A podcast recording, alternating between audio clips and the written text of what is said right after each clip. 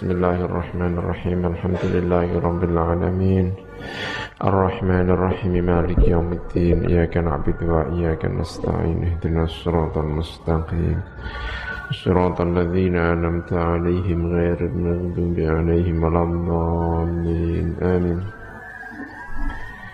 بسم الله الرحمن الرحيم كتاب الجنائز ini nggih. Leres Kitab Al-Janaiz bahas tentang biro-biro jenazah. Orang yang sudah mati diletakkan di atas keranda itu namanya jenazah ya. Ini orang sudah mati diletakkan di atas apa? Keranda namanya jenazah. Liyukfir dzikral mauti wa yasta'idda bit taubati wa raddil liyukfir supaya tedrapun memperbanyak sapa wong. Zikral mauti ing eling mati. Ya, perbanyak untuk ingat mati.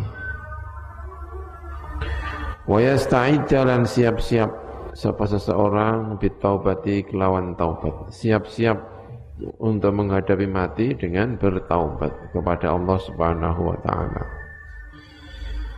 Ya, tapi tidak terus-menerus ingat mati ya. Terus mati nanti nggak bisa makan. Ya.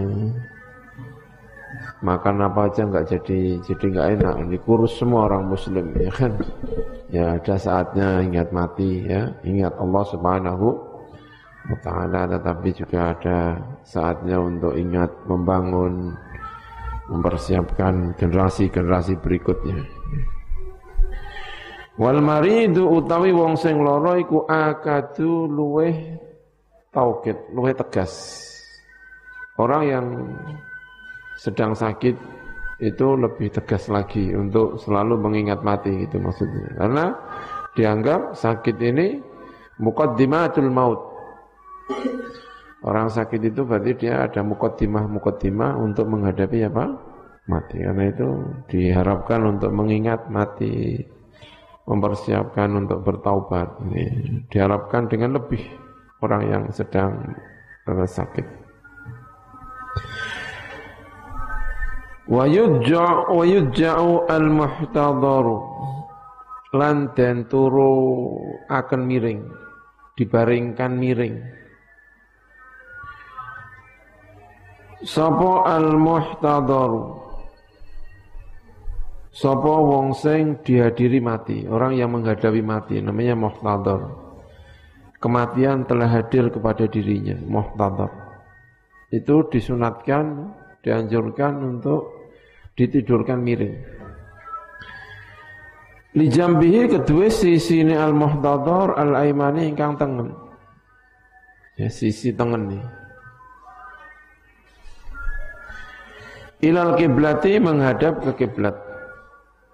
Alas sahihi menurut pendapat ingkang sahih. Alas sahihi menurut pendapat ingkang sahih. Orang yang mau mati ya kan sudah sakitnya sudah parah. Menurut dokter juga sudah kesulitan untuk menangani, untuk mengembalikan sehat kembali, hidup kembali. Ini orang yang seperti ini diturunkan, ditidurkan miring. Ya, sisi kanan menghadap ke mana? Kiblat. Allah ya. Nafasnya sudah uh, mulai berat. Muhtadar namanya. Ini ditidurkan miring menghadap ke kanan. Fa'in ta'adzara mongkolamun angel lopo yudja'u. Ditidurkan miring itu susah lidhiqi makanin krana rupake panggonan wa nahwi lan sepadane dhiqi makanin. Sakit misalnya sehingga sulit untuk ditidurkan miring. Ulqiya mongko den tumibaken sapa al muhtadar ala qafahu ing atase jitoke. Apa itu? Kofa itu. Ini itu kofa namanya, apa? Nek bahasa Jawa ini ya cidok, nek cara bahasa Indonesia ini apa ya? Yang atasnya jidoke al-muhtadar. Tengkuk, ya? Tengkuknya. Ditidurkan tengkuknya, di atas tengkuknya. Ya di sini berarti. Ini tidur biasa lah. Tidur kayak tidur kalau kita tidur itu kan biasanya tidur begini ya, tidak miring. Nah, tidur miring itu sebetulnya dianjurkan tapi kok ya berat. Soalnya itu tidur nggak nyenyak-nyenyak ya kalau miring itu. Memang dianjurkan untuk tidak nyenyak itu biar cepat bangun maksudnya. Ya, tapi ya berat. Gitu. Nah, kalau tidur seperti ini itu kan nyenyak. Ini. Ulqiya ala qafahu ing atase jitoke mengkono atau ing atase tengkuke mengkono al muhtadar. Ya, pembahasan hari ini berat tentang orang yang menghadapi apa? kematian. Semua orang pasti akan menghadapi insyaallah ya. Diberi umur oleh Allah tidak tahu berapa yang diberikan oleh Allah kepada kita ini, ya. Ada yang muda, ada yang tua, ada yang sangat tua, ya, semuanya ya, tergantung Allah yang memberi. Ini ya kalau ingat mati ini ya, ya menjadi susah untuk senyum ya kan. Ini ulqiya ala qafahu. Kalau memang ditidurkan miring ini susah ya tidur telengkuknya atau tengkuknya itu. Wa wajhu tawi wajah muhtadar. Wa akhmasahu. Lan Kedua telapak kakine mengkono al-muhtadar. Sebetulnya akhmasah itu yang cekung itu namanya akhmasai. Kaki kan ada yang cekung ya, delamaan itu. Tapi ini maksudnya ya seluruhnya. Kedua, delamaan kaki ini al-muhtadar iku lil kiblati menghadap ke kiblat. Nek cara neng Indonesia berarti karena kiblat itu menghadap ke barat, berarti kepalanya berada di mana? Di timur ya. Di timur kepalanya menghadap kiblat berarti bantalnya rontok di no. Ini kalau orang mau wafat seperti ini. Kalau bisa tidur miring. Orang yang nafasnya sudah tersengal-sengal ini ditidurkan miring. Menghadap ke mana? Kiblat ala jambihi apa? Al-aiman. Tapi kalau tidak bisa ya tidur terlentang. Tidur terlentang itu maksudnya tidur ala kofahu. Tidak tidur terlentang kakinya menghadap ke mana? Ke kiblat, ya. Telapak kakinya menghadap ke kiblat, mukanya juga menghadap ke kiblat. Berarti pakai apa? Bantal yang lumayan tinggi. Kepalanya kalau di Indonesia berarti di timur, karena kita kiblatnya di mana? Di barat, itu ya. Wa yulaqqanu lan den talkin den bimbing Talqin itu dibimbing sapa mengkono al-muhtadar asyhadata ing asyhadah. Dibacakan di depannya asyhadu an la ilaha illallah. Au la ilaha illallah menurut sebagian wa anna Muhammadan apa? Rasulullah. Ini menurut sebagian tapi yang kuarit dalam hadis maka na akhiru kalami la ilaha illallah apa? Dakhalal jannah. Siapa pun yang akhirnya kalamnya adalah apa? La ilaha illallah maka dia masuk apa? surga. Maka dibimbingnya yaitu la ilaha illallah gitu ya. Kalau orang yang mau meninggal dibimbing apa? La ilaha illallah. Ini dibimbing muhtadar. Ya, menurut sebagian tidak hanya la ilaha illallah tetapi apa? Muhammadun Rasulullah. Tetapi zahirul hadis talqinnya ya la ilaha illallah karena man kana akhiru kalamihi la ilaha illallah apa? Dakhala jannah. Allahumma ja'alna min ahli jannah. Amin ya rabbal alamin. Oleh nalkin bila ilhahin kelawan tanpa maksa. Jangan kok dipaksa-paksa dibentak-bentak mayat kok dibentak-bentak ini kok bukan mayat orang yang sakit sudah mau menghadapi kematian nggak usah dipaksa-paksa. Cukup orang yang ada di sampingnya ini mengucapkan la ilaha illallah berkali-kali nanti insya Allah dia juga akan mengikuti la ilaha illallah itu ya la ilaha illallah. Ya. Bila ilhahin kelawan tanpa ilhah. Kelawan tanpa maksud. Dipaksa-paksa, ya ndak. Wa yuqra'u lan den wacaaken indahu ing dalam sandingi al-muhtadar. Apa Yasin, apa Yasin. Dibacakan Yasin. Ya. Iqra'u ala mautakum surat apa? Yasin. Iqra'u ala mautakum Yasin. Bacakan terhadap orang-orang yang mati kalian orang-orang yang wafat kalian surat Yasin. Ini ya. Menurut jumhur, cara memaknai maut takum itu bukan ke orang yang sudah mati, tetapi orang yang menghadapi apa? Mati. Jadi bukan orang yang mati, tapi orang yang menghadapi mati. Iqra'u ala mautakum Yasin. Tetapi menurut sebagian mautakum itu ya memang sudah mati. Bukan ke orang yang menghadapi mati tetapi apa? Yang sudah mati. Nah kita bagaimana sikapnya? Ya udah dua-duanya dijalankan. Wong yo salai. Ora ono ora salai. Tapi kalau ditanya mana pemaknaan yang paling sahih, pemaknaan yang asah ya, pemaknaan yang paling pas mau takum itu apa? Bukan kok yang sudah mati tapi yang menghadapi mati. Tetapi sebagian mengatakan mau takum itu bukan yang menghadapi mati, tapi yang sudah mati. Ini ada dua cara penafsiran. Tapi kita menghadapi dua penafsiran seperti ini, kita pakai dua-duanya. Pengorano salah.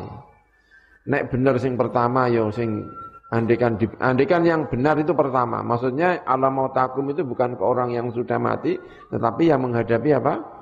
Mati andikan yang benar itu mana? Yo ora ono salahe, Yasin di depan orang yang sudah apa? Mati.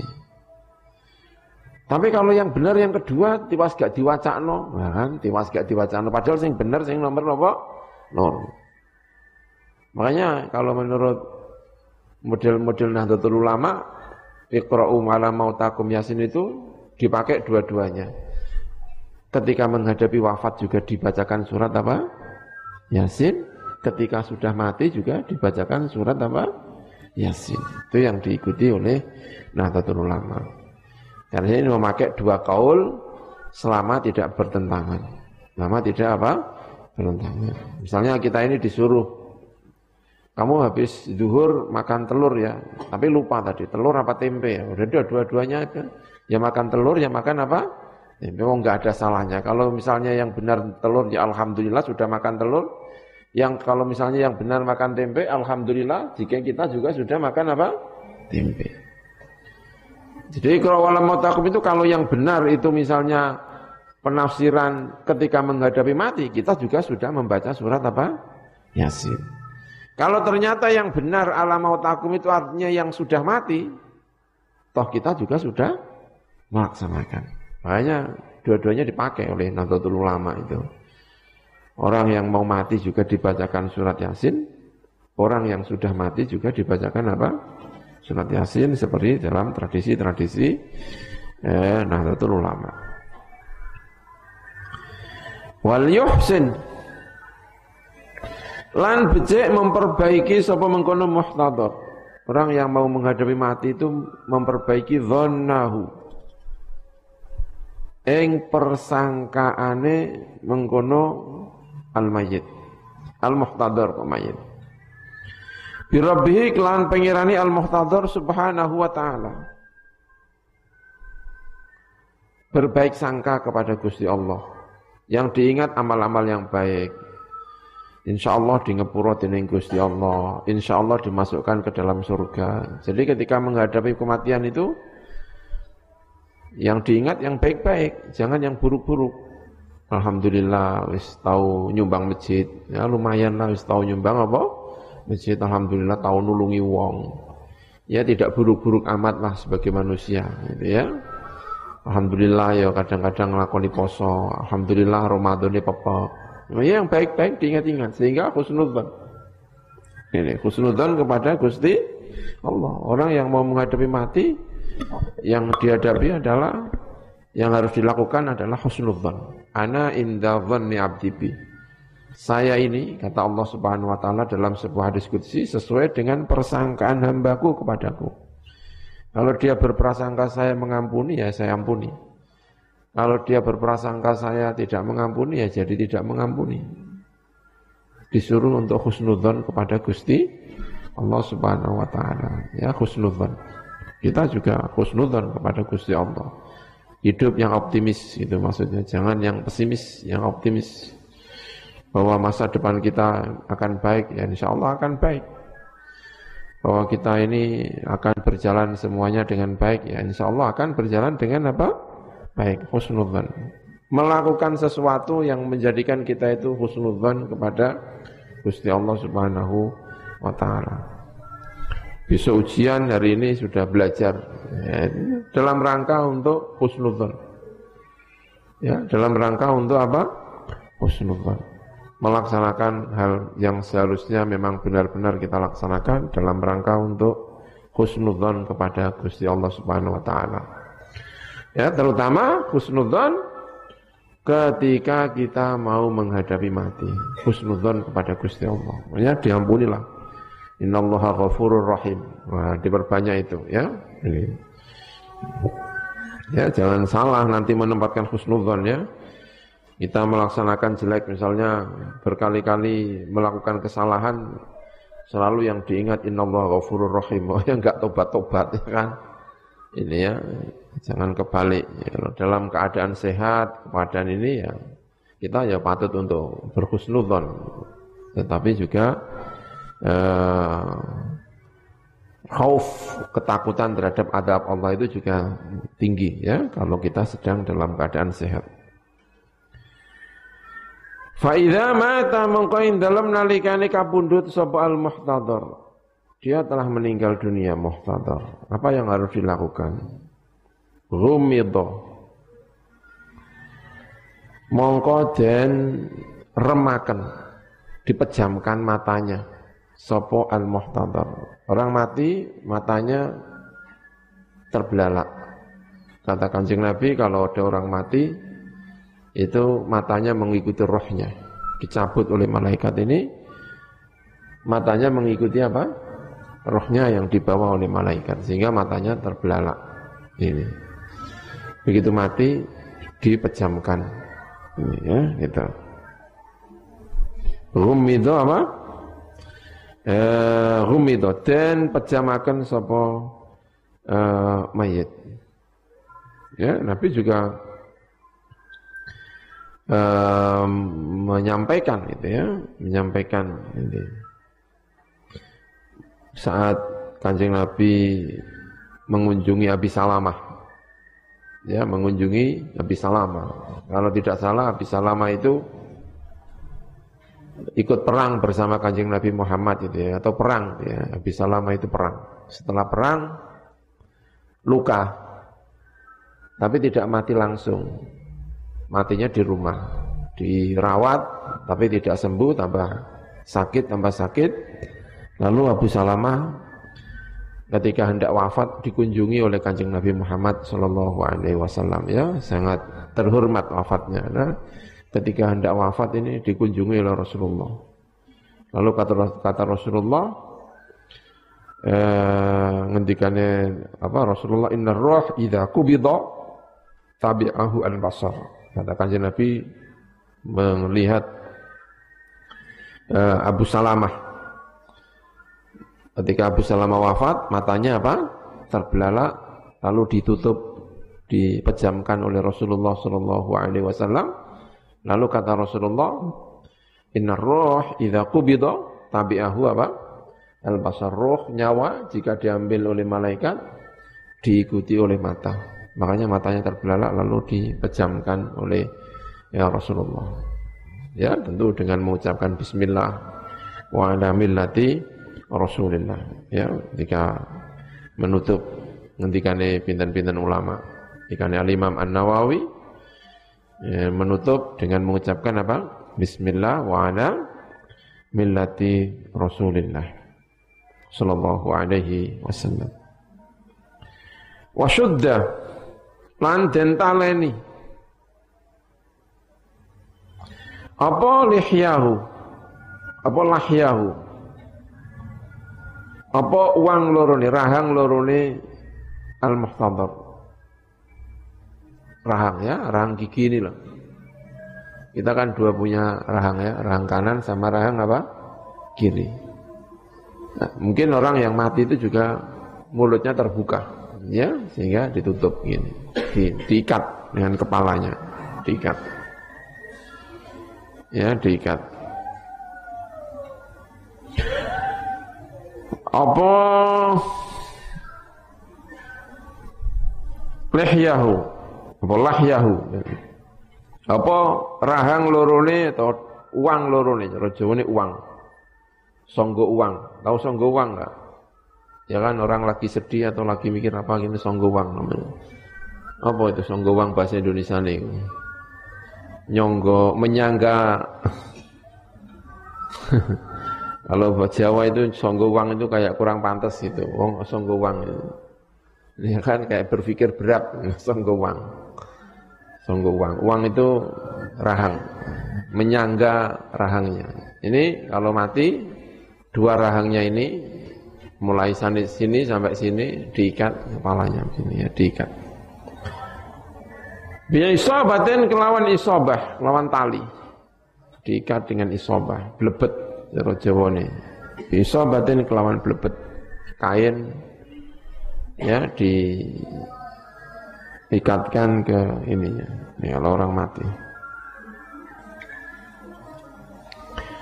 Walau yinat lan dan lemesakan. Biasanya orang kalau mati nanti badannya bisa mengeras ya. Orang kalau mati badannya apa? Mengeras. Sebelum dimandikan begitu mati dilemes-lemeskan dulu biar nanti kalau dimandikan itu mudah. Walau yinat lan den lemesaken apa mafasiluhu apa ros-rosane al mayit. Persendian-persendiane mayit. Ya, dilemeskan. Luyinat apa? Mafasiluhu. Lan den lemesaken apa mafasiluhu apa pira-pira persendiane al mayit. Dilemeskan persendiannya ya, kayak digini-ginikan ya, diginikan, kemudian diginikan. Pokoknya persendian-persendian ini dilemes-lemeskan. Nanti biar kalau memandikan enak begitu. Ya. Kakinya juga ditekuk-tekuk, ya, pupunya apa e, pupunya ditekuk-tekuk, kemudian betisnya ya ditekuk-tekuk, apa namanya lututnya ini, yakinya dilemes-lemeskan. Mafasiluhu apa ros-rosane mayit. Hanya cenderung kalau orang mati katanya terus badannya menjadi apa? Kaku. Nah, sebelum kaku dilemes-lemeskan. Nanti dimandikan menjadi lemes. Karena ketika dimandikan juga butuh di lemes-lemeskan itu tadi. Walau yinat apa? Mafasiluhu. Persendian-persendiane al-mayyit. Wasutiro. Lan tutupi apa jami'u badanihi. Seluruh badani al-mayyit. Bisaubin kelawan baju khafifin ingkang enteng. Baju yang tipis, jangan yang tebal. Nanti panasnya bisa mempercepat eh, apa namanya dagingnya ini kan sudah tidak ada kehidupan. Ya kalau sesuatu tidak ada kehidupan yang cepat untuk basi dan lain sebagainya. Makanya eh, Pakainya juga ketika nutup baju yang apa? Yang ringan-ringan, yang tipis-tipis, biar tidak mempercepat eh, tidak baiknya apa namanya daging atau tubuh si mayit. Ya, dijaga. Wajib menjaga kehormatan apa? Mayit, wajib dijaga. Wa wudi'a lan den selehaken ala batnihi ing atase peruti al mayit apa syai'un apa suwiji-wiji. Fakilun ingkang berat. Dalam perutnya diletakkan sesuatu yang berat. Yang berat. Ya, dalam perutnya ini. biar tidak apa namanya melembung apa itu belum itu saya biar tidak membesar perutnya diletakkan dalam perutnya juga biar kotoran-kotoran itu barangkali biar keluar semuanya dalam perutnya diletakkan sesuatu yang apa yang berat ini Wa wudi'alan dan letakkan dan selehakan sapa al mayit ala saririn ing atas sarir. Ya ini belajar menjadi apa jenenge? Mbah Mudin. Ya. ya ini pekerjaannya yang faham begini itu apa? Mudin. Makanya ada pelatihan-pelatihan Mudin. Nah, pelatihan Mudin di sana sekolahan-sekolahan, ya kan? Ini pernah nggak latihan Mudin? Ada ya? Ini ya. Wa wudialan dan selakan sebuah mayat ala saririn yang atasnya ranjang. Ya kita hormatilah. Juga biar ada angin-angin dari bawah. Di ranjang yang ranjang memang eh, ranjang yang angin bawahnya mungkin yang ada angin-angin ya biar tidak lembab ya kalau di bawah kan lembab ya, ya dijaga lah biar tidak cepat membusuk dagingnya ini Wanahwihi lan sepadane sarir. Ya, jangan sampai ada yang basah-basah lembab ya. Ini. Al-mayyit diletakkan ala saririn wanahwihi lan sepadane sarir. Jaga kehormatannya mayit.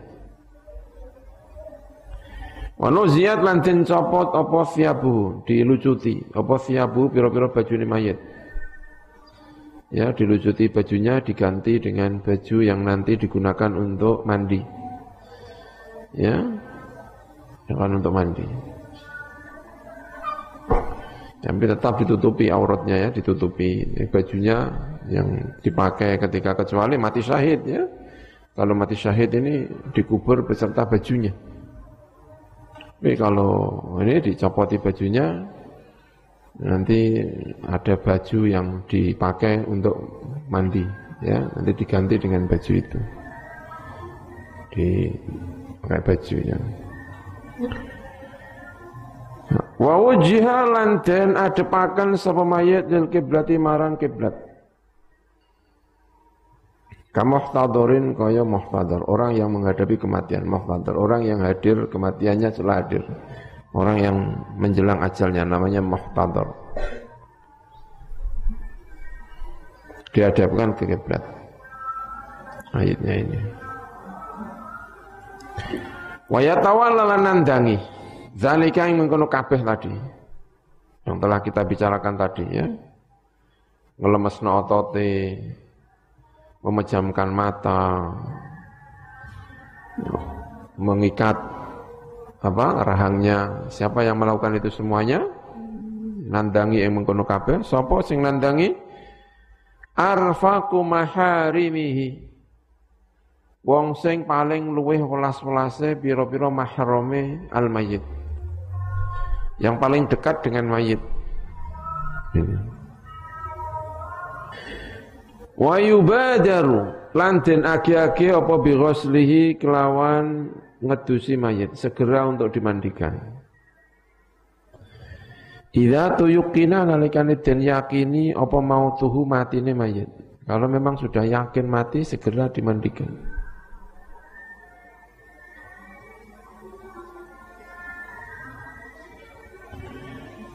Wa husluhu lan ngedusi mayit. Segera. Eh bukan ya. Wa husluhu utawi gitu ya. Wa yubadaru lan den agi-agi dipersegerakan, disegerakan.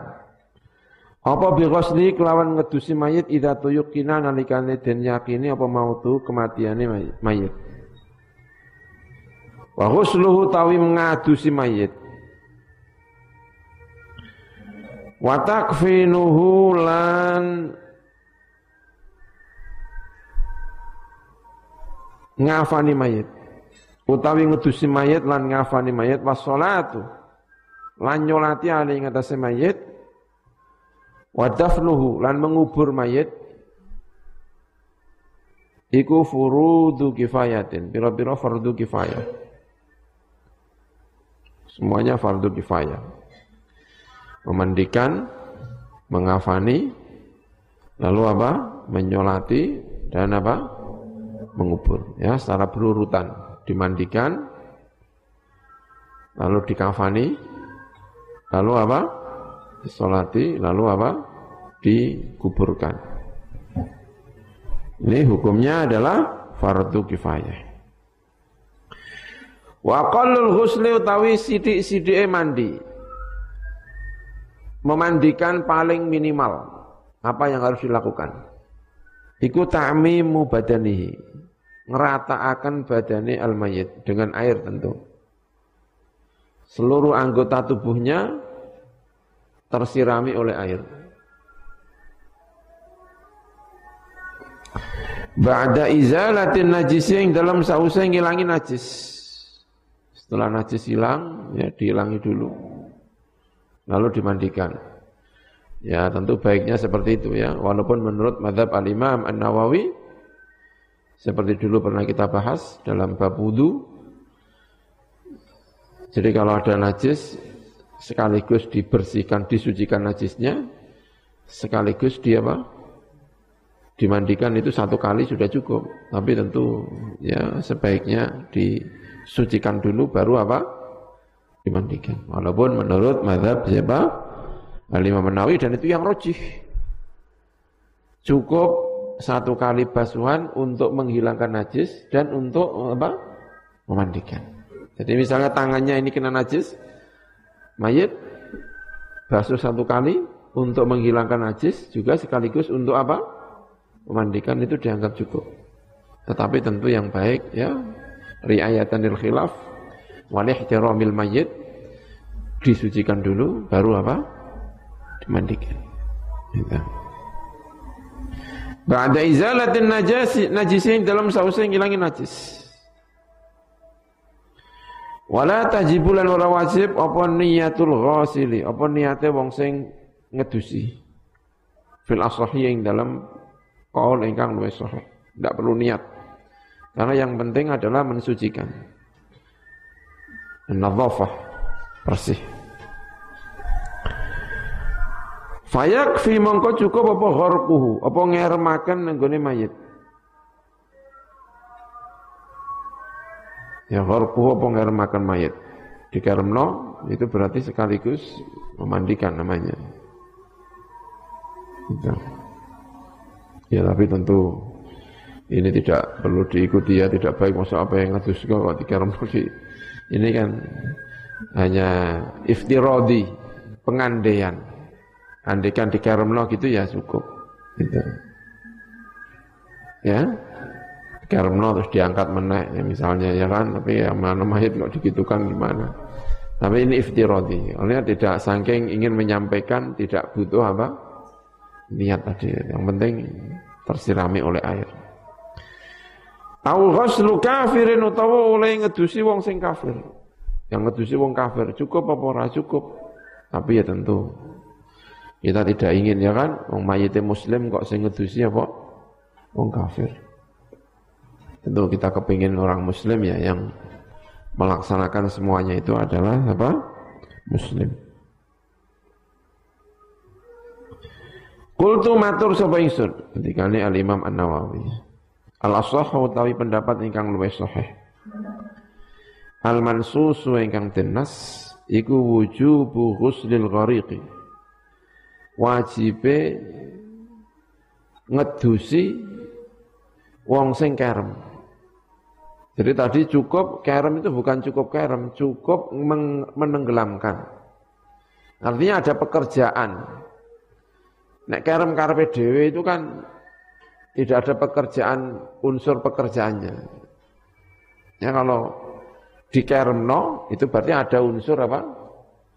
Pekerjaannya. Tapi kalau kerem kare dhewe itu kan nggak ada pekerjaannya.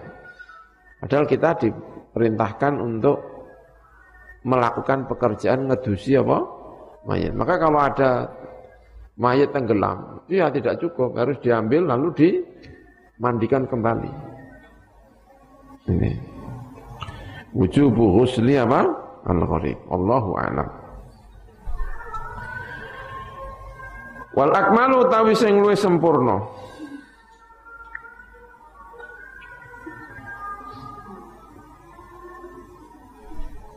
Iku wad'uhu nyelehaken mayit.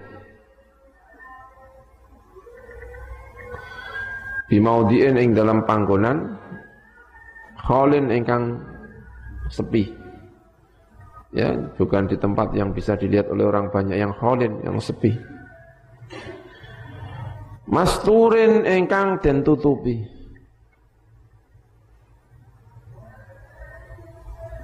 Ditutupi. Tempatnya ini ditutupi. Jangan sampai dilihat oleh orang banyak. Mastur Ya, sekali lagi kehormatan wajib wajib apa? Dijaga.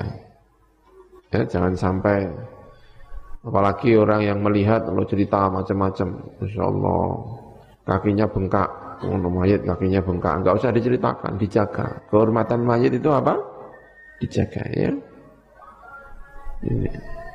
Ada cerita mayat wajahnya hitam, ya dijaga, jangan sampai dijaga karena itu belum tentu itu tidak baik karena orang yang wafat hati ya, apa punya penyakit liver itu bisa tubuhnya bisa gelap ya itu bukan lalu serta merta itu tanda sul khotimah jangan ya, sono kayak film-film itu di karena itu yang itu loh yang sering film-film gitu itu apa mayat tidak diterima masya itu Dan itu film gitu laris ya, ada majalahnya Hidayat atau apa itu majalahnya namanya itu. Subhanallah. Ya, enggak boleh itu. Kehormatan mayat ini kita jaga ya. Kalau yang baik-baik ceritakan, kalau yang tidak baik jangan apa? Diceritakan. Yang baik-baik diceritakan. Wajahnya tersenyum, wajahnya tambah ganteng, wajahnya tambah cemerlang. Senyumnya semuanya ceritakan. Ala lauhin ing atase lauh. Lauh papan. Ya, jangan di bawah, di atas papan. Kita hormati mayat ini. Ya, selain lebih mudah cara memandikannya juga kehormatan mayat ini perlu kita apa? Kita jaga. Lauhin ing atase papan. Ya, ada papannya diletakkan di atas papan, meja atau apa gitu, dimandikan di situ. Lauhin. wa yughassalu atau wa lanten tusi sama mayat fi qamisin ing dalam gamis baju. Ya tadi itu. Ya jangan sampai ditelanjangi. Enggak ya pakai gamis pakai baju. Minimal kalau tidak ini ya minimal menutupi aurat. Ma baina surrah wal apa? Ini ditutupi. Ya. Kalau harus menggosok-gosok ya sambil merem, sambil apa pokoknya ditutupi kehormatan mayat terutama mabena surah apa? warukbah antara pusar dan apa? lutut mabena surah warukbah ini.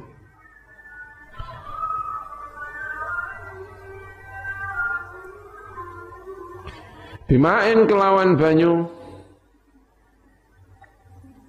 baridin ingkang adem menggunakan air yang dingin ya karena lebih bisa menjaga kelanggengan mayit.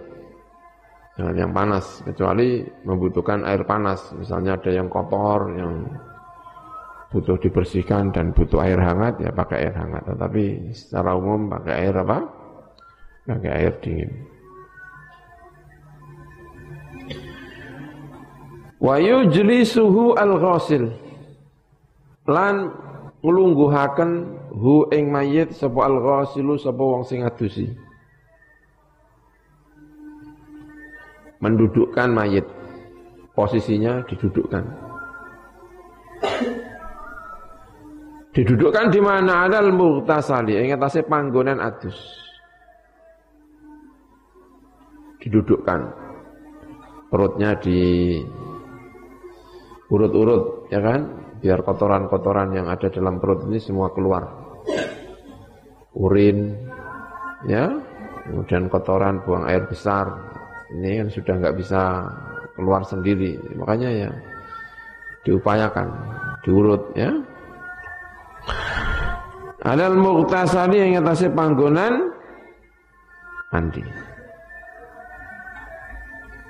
Ma'ilan hali condong. Ya, bukan kok kepalanya kemudian dicondongkan ke lututnya enggak, tetapi ma'ilan hali condong mayit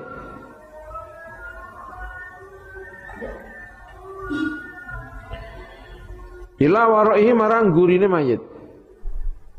Duduknya agak ke belakang, bersandar ke belakang begini, bukan duduk yang sampai sini ya. Ma'ilan ila waro'ihi. Kemudian perutnya diurut ya, biar semua kotoran apa? Keluar. Ma'ilan ila waro'ihi. Ini ya adabnya pelan-pelan. Makanya orang yang memandikan ya harus yang paling dekat dengan mayit. Dengan mayit. Ya, kanjeng Nabi yang memandikan adalah Sayyidina Ali sama Fadl bin Abbas didampingi oleh Usama dan Abbas pamannya. Ya, yang memandikan. Kalau laki-laki ya yang mandikan laki-laki. Kalau perempuan yang mandikan apa? Perempuan. Boleh juga ini suaminya misalnya. Kalau istrinya, ya. Kalau tidak salah begitu. Baik. Ma'ilan hali condong ila waro'ihi.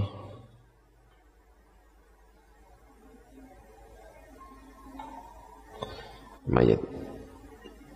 Wa yadha'u lan sapa mengkono mayat. Kok mayat sapa? Al-ghasil. Lan nyelehaken sapa al-ghasil, orang yang memandikan meletakkan yaminahu. Ing tangan tengene al-ghasil.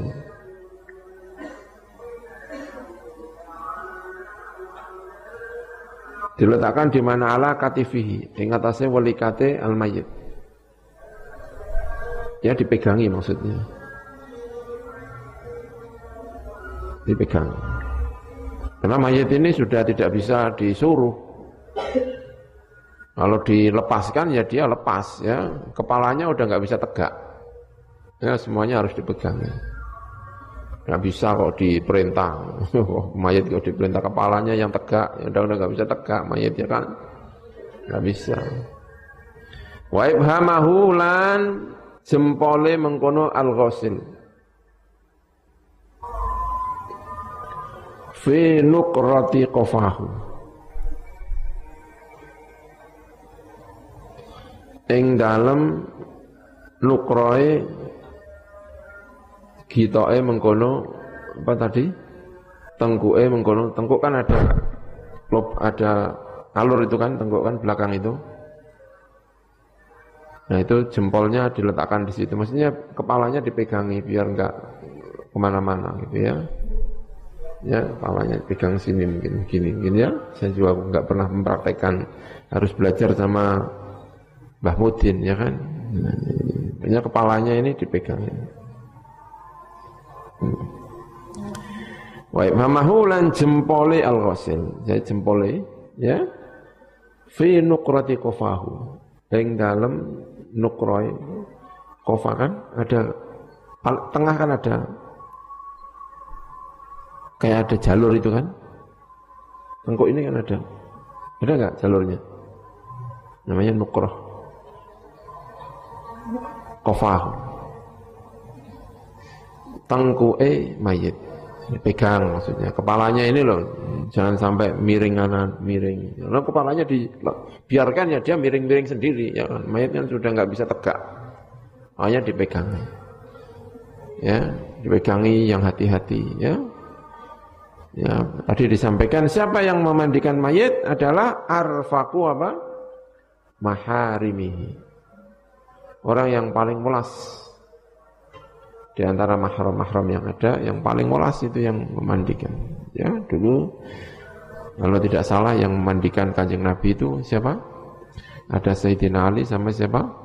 Fadl bin Abbas didampingi oleh Usamah bin Zaid. Sama itu hibbu hibbi Rasulillah apa hibbu Rasulillah apa uh, putri putranya Zaid bin Zaid bin Harifah punya anak namanya Usamah Nah Usama ini termasuk orang yang dicintai oleh siapa? Rasulullah Shallallahu Alaihi Wasallam. Di situ juga kalau tidak salah ada pamannya yaitu siapa? Al Abbas. Ini orang-orang yang dekat sekali dengan Rasulullah sallallahu alaihi wasallam. Wa yusnidu dhahrahu ila rukbatihi al-yumna. Ya wallahu a'lam bissawab.